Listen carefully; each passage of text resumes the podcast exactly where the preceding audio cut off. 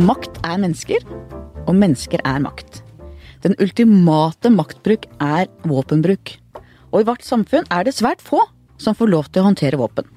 Men noen bruker mye av sin våkne tid på å tenke på hvordan vi kan få så gode våpen og så godt militært utstyr at ingen tør å komme og ta oss. Forsvarsminister Ine Eriksen Søreide, velkommen. Takk skal du ha.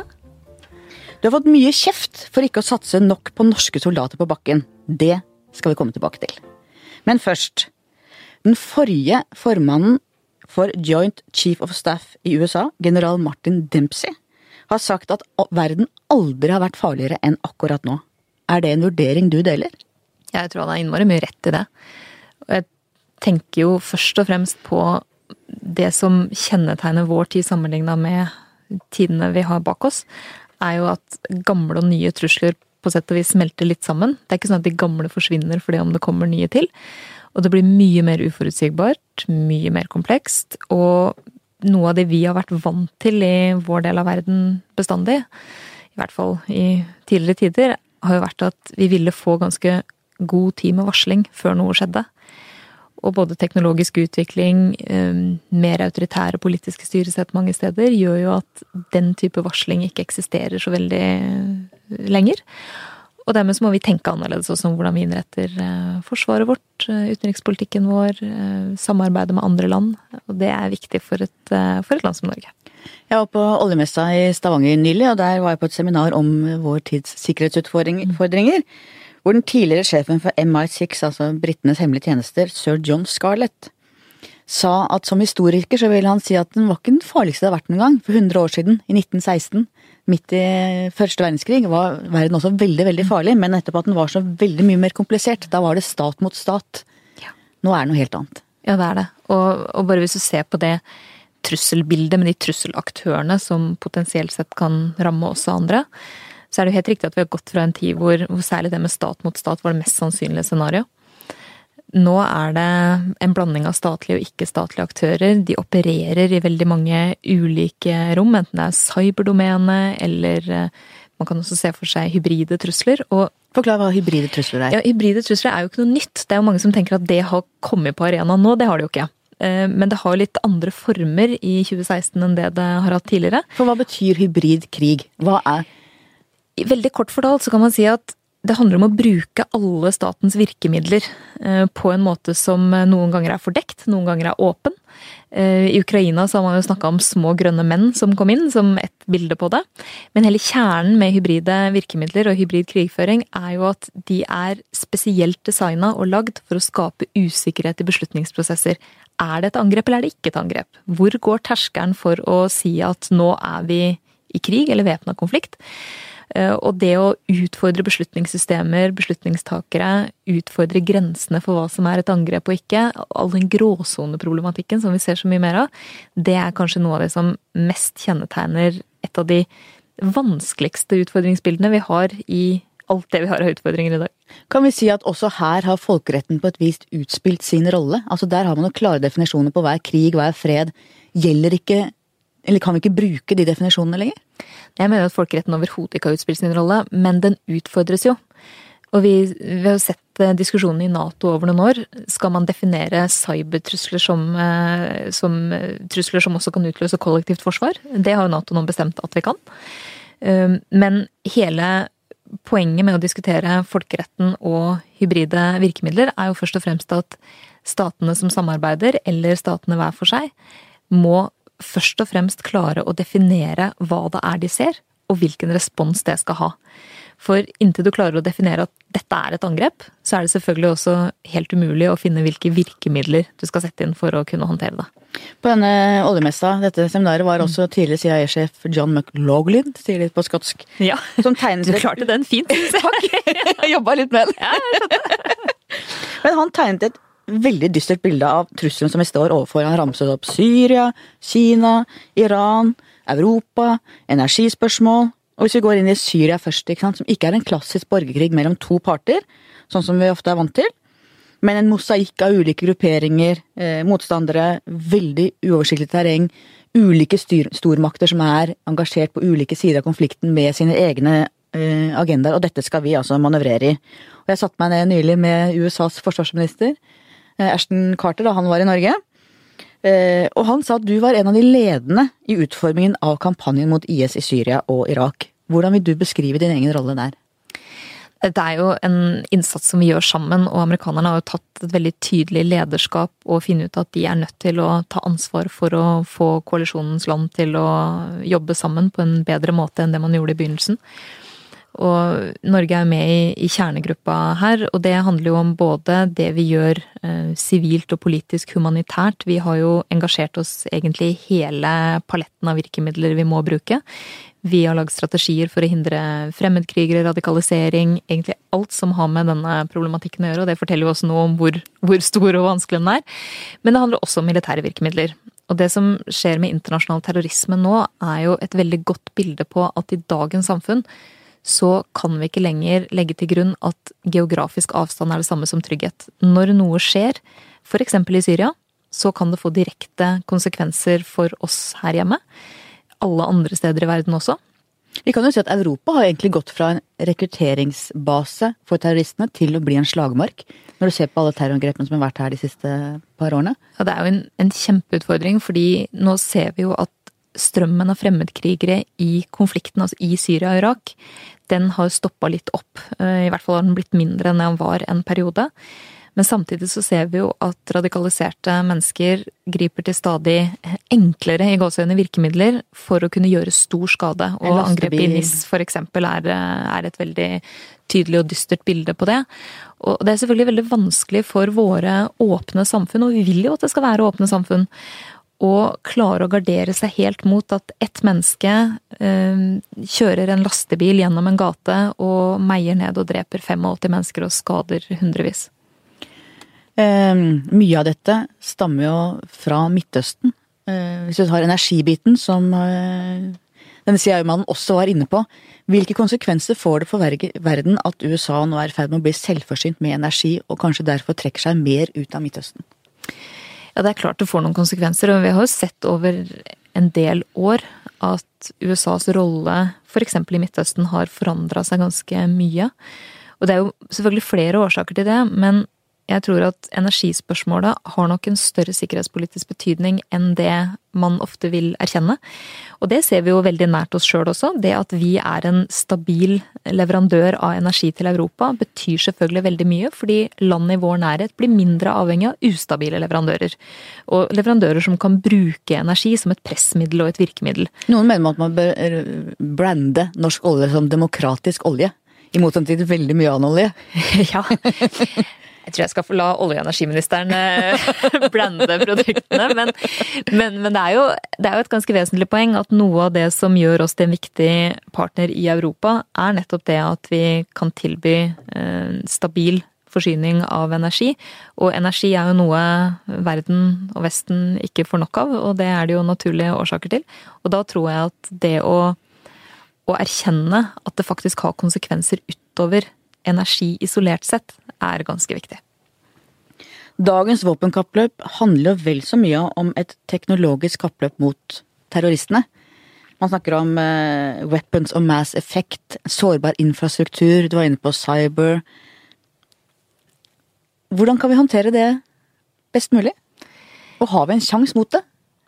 Ja, en sjanse har vi, men jeg tror vi skal erkjenne at eh, det er ganske utfordrende å få det til helt og fullt. Og grunnen til det er at vi i vårt eh, digitale samfunn, som vi alle er opptatt av at vi skal ha, vi er opptatt av alle mulige duppeditter, vi er opptatt av å kunne gjøre ting enkelt, og det, det er klart det sparer samfunnet for store ressurser hvis vi digitaliserer mange tjenester, f.eks. Og samtidig så er jo det noe av det som gjør oss veldig sårbare. Det skal jo ekstremt lite til å slå ut en strømforsyning eller å få et eh, lyskryss midt i Oslo til å bare blinke gult, eller vise grønt i alle retninger. Til å få nettbanker til å gå ned. Og det er jo også en del av virkemidler som noen aktører bruker for å påvirke eller for å sabotere. Og der har jo både Etterretningstjenesten og PST i de årlige vurderingene de gir, vært veldig tydelige på at risikoen for sabotasje, spionasje, cyberangrep øker stadig. Og parallelt med det så ligger jo flere og flere av verdiene våre der. Og Det er en kjempeutfordring. Og vi må finne balansen mellom de virkemidlene staten kan bruke for å håndtere eh, den utfordringa, og samtidig selvfølgelig ivareta både personvern og andre etiske sider av det som er viktig. Kan man si at Forsvaret i dag vel så mye handler om å bygge en mental beredskap hos folk? Altså I gamle dager hadde du verneplikten, hvor nesten alle menn på min alder Jo, men du hadde en allmenn, mye mange flere. Nesten alle menn på min alder snakker jo på fest litt på kvelden 'hvor var du', 'hvor tjenestegjorde du'? Eh, og det er jo veldig mye færre som eh, avtjener verneplikt i dag, så det limet er på et vis borte. Men kan man si at vel så viktig i dag er den mentale beredskapen hos folk flest? For det er jo grunn til å tro at det kan komme terror på norsk jord igjen. Og hvordan vi skal håndtere det, både hvis det faktisk kommer sånn blodig terror som vi har hatt, eller hvis det kommer angrep på strøm eller andre ting som gjør at vi blir redde. Hvordan tenker du rundt det mentale forsvaret hos hver og en av oss? Ja, jeg, tror, jeg tror, det ligger mye i det. Og, og så er det klart at uh, Forsvaret og politiet har en arbeidsdeling også hvor politiet håndterer det som skjer innenfor landets grenser primært, eller veldig enkelt sagt. Forsvaret bistår hvis det, uh, hvis det skjer noe, og det er noe vi kan hjelpe til med. Men jeg tror at du er inne på noe når du snakker om det mentale forsvaret. Det å være forberedt på at ting kan skje, men også det å ta de nødvendige forhåndsreglene for at det ikke skal skje. Eh, prøve å redusere sårbarhetene så mye vi kan. Eh, prøve å jobbe aktivt f.eks. mot radikalisering, som er en veldig viktig forsvarsmekanisme for å hindre at det skal skje ting i Norge. Eh, og jeg tror at vi har kanskje over de siste par, tre, fire åra sett mer til at vi også, når det gjelder Forsvaret, merker at mange engasjerer seg og interesserer seg i Forsvaret også av årsaker som er knytta til verdispørsmål. Det å, noe er verdt å forsvare. For alt vi har og alt vi er, er slagord. Ja. Det syns jeg er veldig fint. Den er fantastisk fin. Jeg må innrømme det at jeg hadde min gode amerikanske kollega på besøk eh, nå for et par dager siden. Så fortalte jeg han om den kampanjen. Og så ble han veldig interessert i den, fordi at eh, han fortalte at i USA så er jo Forsvarets kampanje veldig ofte knytta til mye action, mye muskelmasse, mye lyd. Og han ble veldig nysgjerrig på det med verdiaspektet i en sånn kampanje. Så jeg viste den eh, den ene lille filmsnutten som du sikkert har sett, med en familie som ligger og sover, og et Orion-fly som er oppe og passer på og holder situasjonsforståelsen i nærområdene. Og han ble så utrolig begeistra for den filmen. Ble han rørt, eller? Ja, han ble det. Og det er, det er, det som er så Litt av den veldig søte babyen som lå og sov. Eh, det ble han veldig, ble veldig rørt av. Men, men, hele budskapet og tanken om at det å snakke om Forsvaret på en måte som handler om verdiene vi alle forsvarer, det var, tror jeg, en litt ny innfallsvinkel. Eh, og noe som begeistra han mye. Europa, som var det andre McLaughlin eh, trakk fram. Brexit, eurokrise, terrorkrise, flyktningkrise, forhold til Russland, som vi skal snakke mer om seinere. Men hvis vi tar de indrepolitiske problemene i EU først, hvor er Europa på vei? Ja, det er et innmari godt spørsmål. Eh, jeg skulle ønske jeg hadde et svar som jeg kunne sette to streker under. Men vi må nok erkjenne at mye av utfordringene vi ser tett på oss nå, også er et Europa som har litt problemer med å klare å finne de gode løsningene sammen. Og paradokset er jo at i en tid hvor vi trenger mer og mer løsninger der vi gjør ting sammen, i den tida så ser vi at flere og flere land egentlig isolerer seg og trekker i motsatt retning. Og jeg har nok eh, bekymringer for eh, delvis for helsetilstanden i, i deler av europeisk eh, politikk og samfunn, fordi jeg syns vi ser en del strømninger som nok bidrar til å skape større utfordringer enn det kanskje kunne se ut som ved første øyekast. Og så ser vi at mange av de kreftene som handler om eh, mistillit til demokratiske institusjoner, de som ønsker å renasjonalisere både beslutningsprosesser og, og for så vidt verdier, eh, de kreftene vinner litt fram. Eh, anti-establishment-kreftene, og det ser vi jo for så vidt over Atlanteren nå, så det er jo ikke noe særegent for Europa. Men det utfordrer jo oss på mange måter fordi vi har vært vant til i en lang periode at veien til løsninger går gjennom samarbeid med andre. Og hvis vi plutselig ser at de andre øh, vender, øh, vender, oppmerksomheten sin et annet sted, så vil vi selvfølgelig få utfordringer med å fatte gode beslutninger også. Men du kan si det er en lang periode i vårt liv. Du er 40, jeg er 50. Men i den Europas historie er jo dette et veldig kort kapittel. I aller høyeste grad. Men nå tenkte jeg jo liksom deg og meg som referanseramme. alderen! Så det var, var kanskje litt vågalt, det. Men, eh, men, selvfølgelig, du har jo helt rett. Og det er jo en grunn Det er jo skjørt! Det er skjørt, det er skjørt ikke sant? Og det, det, er jo en grunn til at EU eller Kull- og stålunionen i sin tid ble oppretta også. Ikke sant? Det var jo for å hindre at europeiske stormakter igjen skulle komme i krig med hverandre. Jeg sier jo på ingen måte at det er der vi er, eh, langt, langt derifra. Men, men vi ser jo at det vi har gjort i såpass mange år, nemlig å, å bygge våre samfunn på en en slags felles identitet eh, med nærstående land rundt oss, et felles verdisett, utvikling av demokrati. Eh, det utfordres jo i en del land nå av, eh, av, ulike krefter. Og det er klart at til syvende og sist så kan det også utfordre oss, og hvordan vi samarbeider, hvem vi samarbeider med, osv. USA sin plass i verden. Mm. Fram til finanskrisen så ville mange mene at USA var, hadde en slags kontroll med verden, hadde hegemoniet. Og så etter 2008 så sier folk at da er det ikke lenger noen supermakt som har den kontrollen som USA hadde. Og selv om det fortsatt er slik at det ikke er noen store spørsmål som kan løses uten USA, så er spørsmålet er USA i dag i stand til å finne løsninger på noen av de komplekse spørsmålene vi står overfor? Svaret på det er vel for USA som for de fleste andre land også, både ja og nei, og at det hele avhenger jo primært av hvordan USA også engasjerer seg. Og vi har fra norsk side vært veldig opptatt av at USA skal engasjere seg i Nato, eh, ikke vende eh, ansiktet bare mot Stillehavet. Eh, og vi føler at vi får mye gehør for det, og det er et veldig sterkt Nato-engasjement i USA. I hvert fall hos den sittende administrasjonen nå. Nemlig for hva hvis det blir Donald Trump? Ja, hva tenker du da? Ja, men altså Og det er klart, det er umulig å spå og, og spekulere, men jeg får av og til det spørsmålet hva skjer da med Nato og det norske forsvaret. Vi har jo i likhet med alle andre Nato-land helt siden 49 bygd vårt forsvar på at det skal skje i en alliert ramme, i en Nato-ramme. Det er ingen europeiske Nato-land som kan forsvare seg helt aleine. Og det har jo vært hele tanken også, at de ikke skal. Men mange av de, eh, mange av de signalene som har kommet fra USA om bedre byrdefordeling mellom Europa og USA, det at europeiske land må bygge opp sine egne forsvar, satse mer sjøl, det er jo ikke noe nytt som har kommet nå. Det har jo vært der i årevis. Og, og jeg tenker at det er uttrykk for og, det, og, jeg mener, jeg er i USA. Det hører jeg fra begge partier. Det er jo det er stort sett bare to store partier man forholder seg til. Men de har jo rett òg. De har rett. De har helt rett. Ikke sant? Altså, dette har jo vært noe Europa ikke har vært i stand til å ta tak i på en god måte. Og det ble jo bare verre under finanskrisen. Ikke sant? For da hadde vi 21 av 28 Nato-land som eh, har brukt mindre penger på forsvar egentlig alle åra etter finanskrisa også, enn de gjorde før. Samtidig som sikkerhetsutfordringene jo egentlig bare har skutt i været. Så det er en veldig eh, det er et, et misforhold der hvor, hvor, jeg mener at noe av det viktigste et land som Norge kan gjøre, er nettopp å bygge opp vårt eget forsvar, og samtidig forstå og ha forståelse for at det som er bra for det norske forsvaret, er også bra for Nato. Det er ikke noen motsetning der. Det er noen som prøver å bygge opp en slags motsetning mellom at eh, vi gjør ting som også gagner Nato. Det er jo tvert imot bare bra. Og hvis alle land gjør det, så får vi et sterkt Nato og sterke nasjonale forsvar. Ja! ja. Den, du! Du nevnte et nytt eh, trusselbilde. For 25 år siden trodde vi at den kalde krigen var over. End of history, trodde verden var ny. Og nå ser vi at sånn var det slett ikke. Hvordan vil du beskrive vårt forhold til Russland?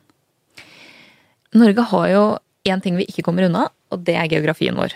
Vi har en eh, grense mot Russland på 196 km. Vi har en stor grense til havs. Den har vi jo eh, blitt enige om, og det er veldig positivt. Etter 40 år med forhandlinger så kom det til en enighet om delelinja. Vi har alltid håndtert Russland med fasthet og forutsigbarhet. Det er en asymmetri, selvfølgelig, i naboskapet vårt. Men vi har jo, selv om vi nå har suspendert det bilaterale militære samarbeidet, så samarbeider vi jo praktisk om noen områder som er viktige for begge land, som kystvakt, grensevakt, søk og redning.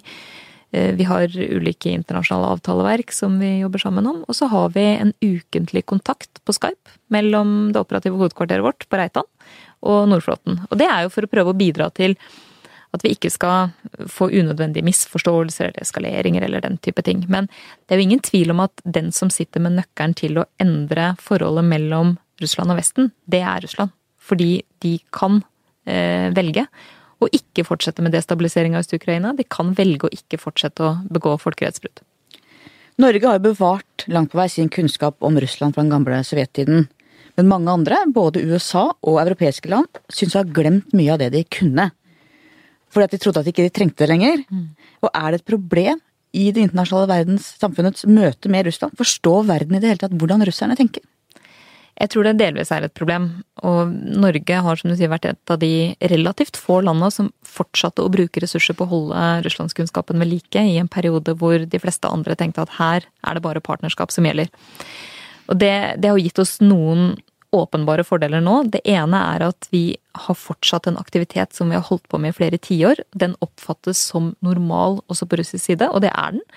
Og det betyr at vi har muligheten til å se og skjønne hvor endringene kommer, både politisk og militært. Og det er selvfølgelig en utrolig viktig informasjon for norske myndigheter. Og for Nato. Og for Nato. Og det er jo øh, noe som jeg tror man ikke skal undervurdere helt. Det er at Norge er Nato i nord. Vi har oppdrag og ansvar på vegne av Nato, og vi er selvfølgelig en veldig viktig kilde til informasjon til andre land. Fordi vi har opprettholdt en god kunnskap om både politiske og militære forhold. Um, og så tror jeg de aller fleste nå ser først og fremst den uforutsigbarheten, den usikkerheten om intensjoner den militære oppbygginga Russland driver med, som en, en, betydelig bekymring. Er du redd? Jeg er ikke redd. Det er jeg ikke. Og vi ser jo heller ikke Russland som en direkte militær trussel mot Norge. Men det er selvfølgelig bekymringsfullt at nye våpensystemer, nye kapasiteter som f.eks. ubåter, langtrekkende presisjonsvåpen, det kan jo ramme både oss og andre på en helt annen måte enn tidligere. Det er jo en av de viktigste si, årsakene til at vi må tenke annerledes og nytt om sammensetning av det norske forsvaret, sammensetning av basestrukturen vår, og vi må rett og slett erkjenne at vi ikke har den luksusen lenger. At vi f.eks. kan drifte baser som bare kan operere i fredstid, og som ikke kan brukes i væpna konflikt. For som du sier, ting endrer seg fort. Mm. Og Nato har jo lenge vært innretta på operasjoner langt borte, med USA i ledertrøya. Og hvordan kan man endre kommandostruktur, oppbygging, tenkning fra Afghanistan-tiden til forsvar mot Russland i nord? Hva kreves av deg, og hva kreves av dine generaler? Jeg har både generaler, admiraler og veldig mange andre som gir mange gode innspill og råd i de prosessene. Og for meg så har det vært viktig å fokusere på særlig tre-fire ting. Og det ene har vært eh, de strategiske sikkerhetsutfordringene i Nord-Atlanteren. Det at Russland nå skaffer seg og har kapasiteter som effektivt kan bidra til å egentlig stenge av Nord-Atlanteren for f.eks. For allierte forsterkninger. Det betyr at hvis vi blir angrepet, så kan det hende at amerikanerne ikke kan komme sjøveien for å bistå oss kjapt. For eksempel. Det er eh, et scenario som vi har ønska å få mye oppmerksomhet om eh, i Nato, og det har vi lykkes godt med. Og det er ikke fordi at vi ser at det er en umiddelbar trussel, men vi ser at strategisk sett så kan det bli det, og da er det å, å kunne f.eks. ta imot allierte forsterkninger noe som er viktig. Eh, så det har vært avgjørende for oss. Eh, I tillegg så er det klart at det å bygge opp vårt eget forsvar, som vi nå gjør med den nye langtidsplanen, er en helt avgjørende forutsetning for at det skal virke. Eh, og så har jo Nato måttet ta noen ganske tøffe diskusjoner og valg også. Vi har nå i forbindelse med toppmøtet fått på plass en gjennomgang som skal gjøres av kommando- og kontrollstrukturen. For eksempel så er det jo sånn i Nato i dag at vi trenger mer kompetanse på å drive maritime operasjoner. Det er viktig for Norge med våre enorme havområder og strategiske plassering. Vi har nå sammen med Nato gjennomgått både vårt nasjonale planverk og Natos forsterkningsplanverk. Kjempeviktig, for som du sier, det har vært veldig mye fokus på operasjonene ute. Og ikke fullt så mye på det som handler om kollektivt forsvar. Men når det er sagt, så er det jo mange som mener at det at vi har vært ute i Afghanistan f.eks. i så mange år, har nesten utelukkende vært negativt for Nato og for våre nasjonale forsvar. Det er jeg helt uenig i. Vi har fått trent folk, da. Det er akkurat det. Altså Den operative erfaringa våre og andre soldater nå har, og den samtreninga og ikke minst den interoperabiliteten vi har med andre land nå Dette var et veldig teknisk uttrykk. Veldig teknisk uttrykk, Men det handler Samarbeid. Ja. Det handler i bunn og grunn om samarbeidet, og det å vite For eksempel er det veldig viktig for oss å vite åssen eh, amerikanske, britiske, litauiske styrker fungerer. Eh, hvis noe skulle skje og vi skal operere sammen i kollektivt forsvar, så har vi nå en lang erfaring på det. Og det andre er at det å bidra ute til stabilisering, eh, til å hindre konflikter i å spre seg, det å bygge kapasitet, det er jo et direkte bidrag til vår egen sikkerhet. Og vi, som jeg var litt inne på i stad, vi er liksom forbi den tida hvor vi kunne gjøre tydelige geografiske inndelinger av hvor truslene befant seg. Og at vi også kunne liksom tenke at bare vi lukker døra så, og lukker øya, så skjer det ikke noe her. Den tida er forbi. Det er jo veldig mange sterke meninger om eh, langtidsplanen. Og jeg syns det er innmari vanskelig å skille mellom hva er distriktspolitikk, hva er egeninteresser, hva er dyp kjærlighet til Forsvaret og til landet. Og vi snakker altså om mennesker som er villige til å gi livet for oss, og som da krever naturlig nok å bli hørt. Og samtidig så er jo offiserer og generaler vant til å bli lyttet til. Ofte er jo deres ord lov. Og selv om vi har et forsvar som er demokratisk forankret, fullt innforstått med at politikerne bestemmer, så har vi opp gjennom årene sett at det oppstår spenninger mellom det politiske systemet og Forsvaret. Kan du si noe om hvordan du har opplevd disse spenningene, først som leder av Stortingets utenriks- og forsvarskomité, sett utenfra, mm. og nå som forsvarsminister, den som skal styre sjappa? Jeg tror vel ikke jeg har opplevd eh, noen langtidsplanprosesser i min politiske karriere, også før jeg ble leder av utenriks- og forsvarskomiteen, som har gått helt støyfritt for seg. Og, og det er på sett og vis bra, fordi jeg mener jo at noe av verdien i det norske demokratiet ligger jo i at det er helt ålreit og helt legitimt og faktisk viktig å få inn innspill fra ulike hold. Eh, og det er viktig å få diskutert ulike løsninger. Men når beslutninga er fatta, eh, så er også viktigheten av å da gjennomføre det man har bestemt seg for, eh, den er stor. Og du kan jo se for deg litt liksom hvordan det funker på si, makronivå, fra, fra, her jeg sitter og ser utover.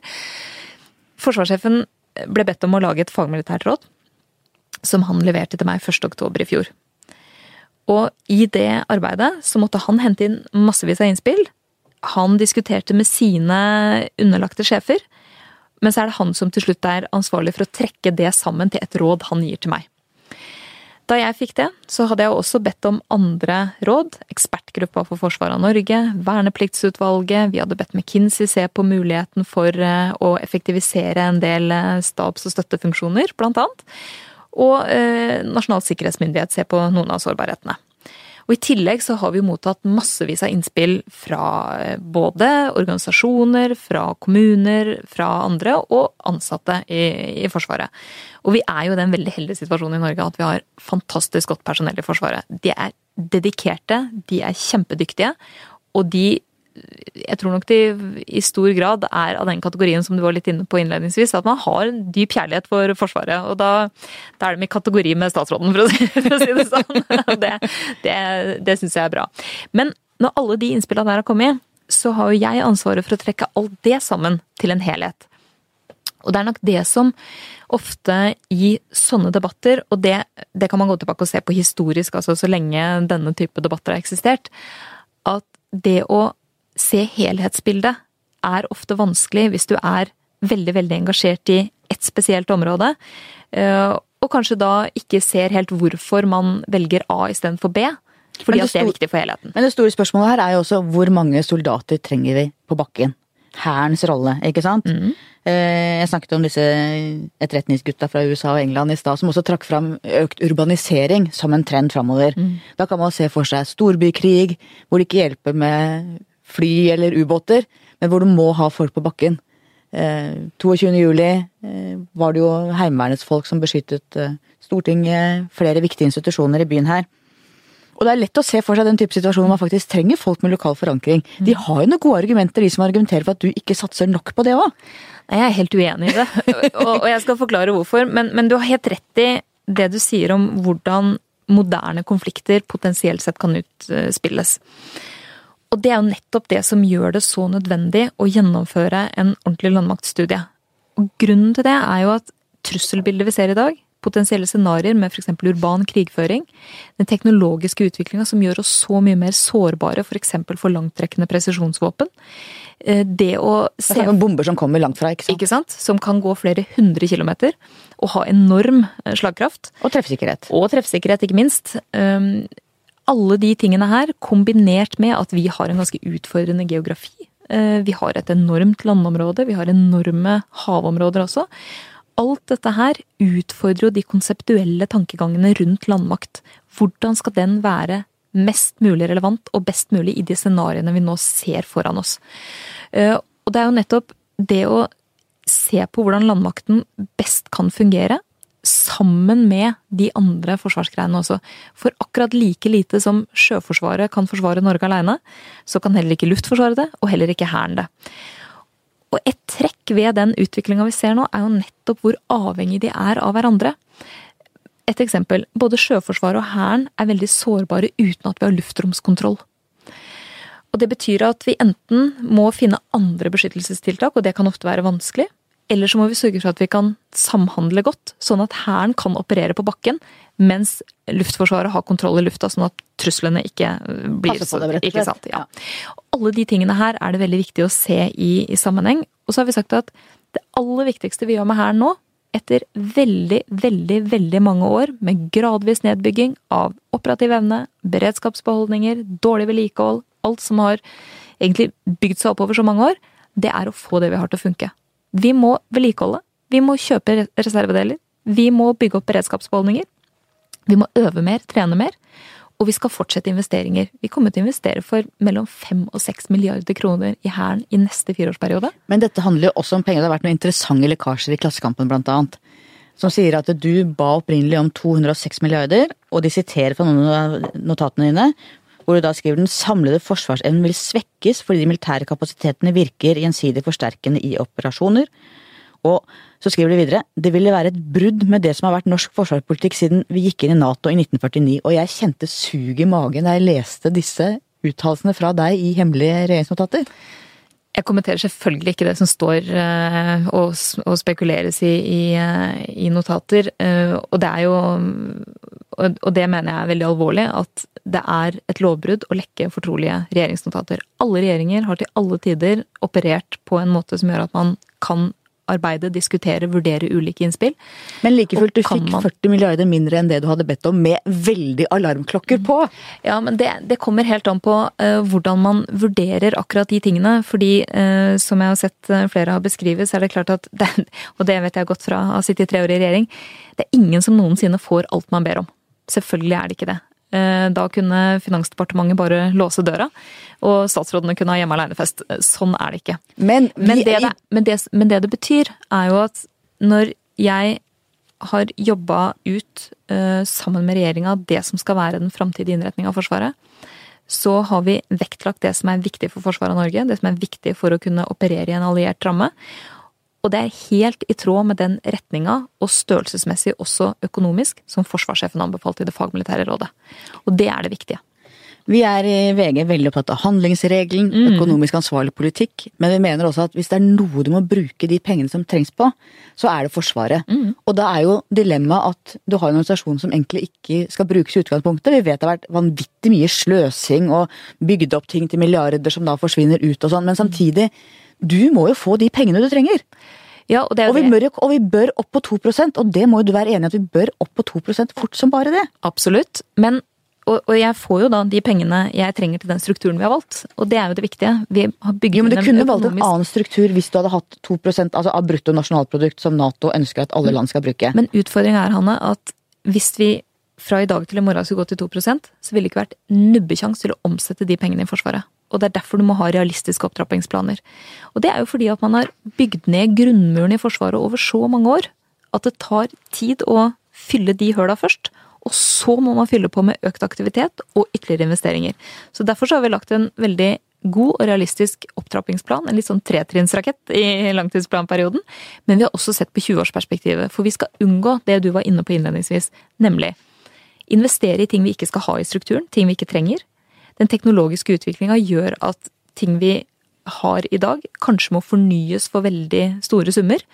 Da er det kanskje bedre å vurdere noe annet som gir mer effekt. Og hvis vi ikke har det 20-årsperspektivet, hvis vi ikke tør å ta de vanskelige valga i dag, så bidrar vi til å bygge ned forsvarsevnen. Og da bidrar vi til å gjøre Forsvaret dessverre irrelevant for det trusselbildet som møter oss nå. Så når kommer vi på 2% av bruttonasjonalprodukt til vårt forsvar? Det kommer helt an på hvordan BNP utvikler seg. Eh, og vi har jo både SSB, Norges Bank og andre utvikler jo forskjellige prognoser, og det finnes jo til enhver tid en fem-seks forskjellige prognoser, så det kommer helt an på. Men det aller viktigste i det som ligger i langtidsplanen de første fire åra, er jo både at vi legger på et historisk økonomisk løft i Forsvaret. Vi skal opp 7,2 milliarder sammenligna med inngangen til planperioden. Og vi legger inn det som har ridd forsvarssektoren som ei mare i alle år, nemlig at man ikke får kompensert for den erfarte kostnadsveksten. Teknologisk materiell er bare dyrere og dyrere å drifte, og hvis du ikke kompenserer det, så undergraver du jo bare kjøpekraften og budsjettene år for år. Så det legger vi inn, og vi bygger opp en troverdig opptrappingsplan som gjør at dette her er noe som styrker forsvarsevnen og den operative evnen allerede fra starten. Tradisjonelt har det vært en akse mellom Høyre og Arbeiderpartiet i forsvarspolitikken. Samling om Nato, sterke forhold til USA. Men jeg syns ikke det alltid har vært like tydelig nå siste par årene. Eh, Jonas Gahr Støre, tidligere utenriksminister, nå Arbeiderpartileder, som har kritisert russlandspolitikken til regjeringen. Anniken Huitfeldt, leder i utenriks- og forsvarskomiteen, som eh, har gått inn for at Norge skal stemme forskjellig fra alle våre andre Nato-allierte i atompolitikken. Mm. Er du bekymra for den aksen mellom Høyre og Arbeiderpartiet? Jeg opplever jo at vi har stor enighet om hovedlinjene, men jeg opplever jo også at nettopp de tingene du har nevnt her, eh, nok har skapt eh, en del bekymring også blant våre allierte. Og det er jo noe som vi Hvordan gir det seg uttrykk? Ja, altså Det gir seg uttrykk ved at vi hører jo, og vi blir jo også kontakta av våre allierte med spørsmål om dette betyr at Norge er i ferd med å endre sin politikk. Um, og det ville jo være veldig rart hvis Norge skulle gå bort fra vedtak vi har vært med på å fatte i Nato. Hvis vi skulle gjøre noe helt annet enn våre nærmeste allierte i Nato. Hva sier Jens Stoltenberg om dette? Ja, det veit jeg ikke. Jo, det veit du. Nei, altså, akkurat det har jeg ikke diskutert med, med Jens. Jeg skal til Brussel nå etterpå i dag og møte Jens. Da må du spørre fra meg. Ja, skal jeg spørre fra, skal jeg spørre fra deg. Nei, men det er klart at det er um, I den veldig si, uoversiktlige sikkerhetspolitiske situasjonen og den, den forverra situasjonen vi har rundt oss, og det handler jo ikke bare om nordområdene, det handler jo også om trusselbildet vi ser langs den sørlige flanken av, av Nato, så er det å opptre samla og konsistent, som vi var litt inne på i stad, kjempeviktig. Og jo mer tvil det skapes om hva som faktisk er norske posisjoner i sånne sammenhenger, eh, jo, jo vanskeligere kan det også bli for Norge å, å få gjennomslag. Og regjeringa har stått på det som har vært norsk utenriks- og sikkerhetspolitisk linje hele veien siden etterkrigstida. Vi har håndtert Russland med fasthet og forutsigbarhet hele veien. Vi har stått på de vedtakene Nato har gjort om kjernevåpen. Nato er en kjernevåpenallianse. Det er det ikke noen vei utenom. Ehm, og det må man da eh, erkjenne og akseptere, og vi har vært med på de vedtakene. Og den forrige regjeringa var også med på de vedtakene eh, som, som handla om det. Men, men, jeg tror at når vi, når vi diskuterer eh, særlig Russland, så, så liker jeg ofte å snu spørsmålsstillinga på huet litt, fordi hva mener de som har kritisert eh, deler av den norske politikken mot Russland, at vi egentlig skulle gjort? Skulle vi, som et relativt lite land i verden, som er helt avhengig av at folkeretten fungerer, skulle vi bare sagt at nei, men det er helt greit med folkerettsbrudd? Det ville komme og bite oss i halen fortere enn vi aner. Åpenbart. Åpenbart. Nå har vi snakka mye forsvar, ja. men jeg husker deg fra dine tidlige år i rikspolitikken som skolepolitiker. Mm. Du var opptatt av utdanning og av valgfrihet. Og du skifta jo selv skole da du gikk i femte klasse. Mm. Fra offentlig skole til Steinerskolen på Lørenskog. Og du var altså et av mange norske barn som har hatt glede av at det faktisk fins alternativer. Mm. Hvordan var den overgangen for deg? Den var egentlig innmari fin. Ehm, jeg hadde nok litt behov for å prøve noe nytt, og det tror jeg det er ganske mange som har innimellom, så jeg tror ikke det var noe unikt i det hele tatt. Men jeg trivdes kjempegodt, ehm, og gikk eh, på Steinerskolen i drøyt to år før vi flytta til Tromsø. Og der var ikke um, Steinerskolen bygd ut lenger enn til 7. klasse ennå, så da istedenfor å gå 7. om igjen, da, så begynte jeg på Tromsdalen ungdomsskole i 8. Det, der trivdes jeg også kjempegodt. Så, men, men, det er jo et uh, viktig poeng, syns jeg, og det har jeg alltid syntes det har vært, at det skal finnes muligheter og alternativer. Vi er ikke skrudd sammen likt alle sammen. Og det kan finnes gode alternativer som ikke er offentlige, og jeg er helt sikker på, og det har jeg sett både fra egen erfaring og ikke minst uh, gjennom politikken også, at det at det fins et mangfold, det gjør også at det offentlige tilbudet blir mer spennende. Tror jeg er helt riktig. Du kom inn på Stortinget i 2001 som 25-åring mm. for Høyre. Og det var ikke helt åpenbart at det skulle bli sånn. Faren din var elektriker. Morfaren din var typograf og arbeiderpartimann. Mange vil si at du kommer fra en typisk arbeiderklassebakgrunn. Ja, altså jeg er jo født og oppvokst på Strømmen, og, og eh, har, eh, er veldig, veldig glad i den bakgrunnen jeg har. Um, og, og, det er Det er en slags sånn, drabantby Ja, jeg skulle til å si det. Drabantby. Og, og mamma var fra Lambertseter, og der, det var jo sånn den gangen mormor og morfar eh, kjøpte jo en av de første leilighetene da Lambertseter ble bygd. Og det var jo Norges første drabantby. Eh, og den flytta én gang. Og det var fra nummer 28 til nummer 8 i samme gata. så, og sånn var det. Uh, og, så, så, jeg har liksom familie rundt i området der, og, men også nær tilknytning til nord. Vi har bodd ti år i Tromsø. Og det trivdes jeg også utrolig godt med. Men eh, jeg kom ikke fra noe typisk politisk familie i det hele tatt. Det var ingen Jeg veit i hvert fall ikke om noen ordfører eller kommunestyrerepresentanter eller noen ting bakover i familien. Men eh, en, eh, vi hadde mye engasjerte diskusjoner ofte. Og, og jeg fant meg veldig fort til rette liksom, politisk og ideologisk på den sida, og det syns jeg var det, det, var liksom det naturlige valget for meg. Du sa at moren din trakk mest mot høyre. Hun var mye mm. syk, var ufør. Dere hadde ikke noe luksusliv, kan man si akkurat. Du har sagt at du lærte å sy lampeskjermer, snekre. Holder du på med sånt fortsatt? Um, altså jeg, jeg, jeg, lærte jo utrolig mye av både mamma og mormor og, og morfar og pappa og, og sånn også, på en, på en, del sånne ting som jeg tror kanskje ikke um, så mange andre på min alder gjorde. Men jeg syns jo det var kjempegøy. For at um, det å f.eks. kunne male kjøkkenskap, det, det, er jo noe jeg har nytte av i dag òg. Og det å, å, kunne sy og, og, det å kunne Altså mormor sydde innmari mye lampeskjermer og sånn, også for liksom, damene i, i blokka rundt og sånn. Har du noen av hennes i din egen leilighet nå, eller? Eh, jeg har ikke noen av lampene, men jeg har, hun malte, malte porselen også. Det var jo veldig poppis en periode. Og det har jeg en del av. Og det er så hyggelig med sånne gamle ting. Ja, ja, ja. Det er kjempe, kjempefint. Så det er mye Det er veldig mye gode minner. Mm. Og så er du kjent for å jobbe veldig hardt. Og det har du gjort helt siden du jobba helger og ferier i blomsterbutikken til stefaren din. Ja. Er det sant at du av og til er på jobben halv sju om morgenen? Det er jeg hver dag. Hver dag? ja. ja, ja Hvor står du opp da? Jeg står opp tidlig. Eh, jeg vet ikke om det er alderen som gjør det, men jeg trenger liksom mindre og mindre søvn, virker det Så nå har jeg hatt et par dager, dager med med Og det er ikke tull engang, men jeg har sittet virkelig halve natta og jobba med budsjettproposisjonen. Så, så, jeg er litt sånn Jeg bare lurer på når jeg sovner i dag, for det er liksom på et eller annet tidspunkt så må det tippe. Nei, men jeg, jeg elsker morgenen. Jeg syns det er kjempedeilig å, å komme seg opp og være tidlig ute av døra, tidlig på jobb og få gjort masse før før telefonen begynner å ringe, før folk kommer på jobb, før liksom møtene begynner og alt sånt. Så det Den stille liksom, timen. Ja, ikke sant. Det er veldig sånn De stille sånn, timene for din del. Ja. ja.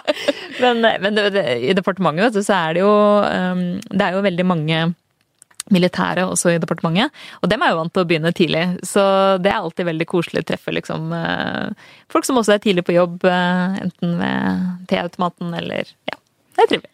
Og 1989 det var et merkeår i ditt mm. politiske liv. Det var da du våknet. Himmelske fredsplass i Kina.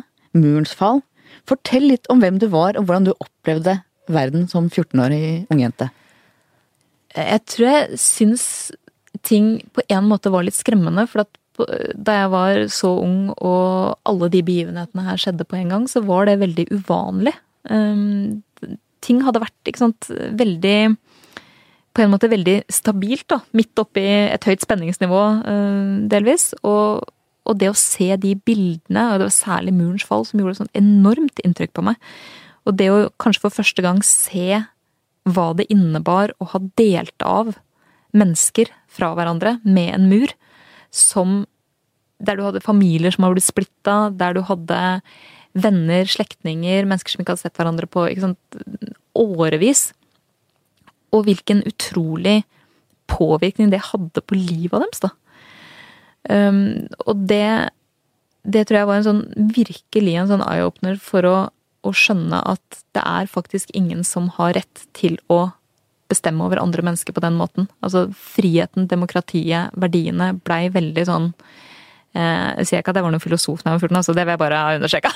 men, ja, alle 14-åringer mener at de er det da, og så ser vi etter at ja, verden var litt enklere ja, var den gangen enn det er nå. Det var kanskje litt mer endimensjonalt den gangen, men uh, men det, det, var en, en veldig sånn Det gjorde et sånn enormt inntrykk. For det var kanskje første gangen du for alvor så at plutselig liksom i én by har du to verdener. Og hva, hva, betyr det for folk? Hva innebærer det? Å liksom leve i det kontrollregimet, i, det, i den fattigdommen som mange levde i, i det, å, det å ikke få tenke det du ville. Det å, det å bli angitt for å, å, mene noe eller møte noen eller tenke noe eller Ikke sant? Ja. ja det, det, for en 14-åring som da vokste opp i et samfunn hvor liksom man er vant til at alt er bare fritt og greit, og det, har, det er jo ingen som angir deg for at du forteller en dårlig vits, så, så slo det enormt sterkt inn, altså. Og så ble det jo EU-tilhenger. Eh, jeg skrev bok sammen med en kollega, Anders ja. Bjartnes, om EU-kampen. Det hadde et eget kapittel om alt som gikk galt for ja-folket. Og det var jo mye. Og det morsomste episoden der var altså eh, en isopormur oh, i Tromsø, fire meter høy. Og så har jeg forstått etter at du var jo en av de ansvarlige. Fortell hva som skjedde i Tromsø den gangen. ansvarlig og ansvarlig. Ja, det var du da! ja, det, nei, altså, det der var jo helt Nå rødmer du! Jeg kan fortelle lytterne at ja, nå rødmer Ine Eriksen Søreide. Jeg syns det er ordentlig ille, og, og, og, grunnen til det er at eh, vi hadde jo Altså, på slutten av valgkampen um, i 94 så samla jo alle ja-organisasjonene og ja-partiene seg og sånn under uh, ja-kampanjen som Ture Birkeland leda. Og det var for å liksom presse det siste ut av og det, og det skal jeg love deg vi gjorde.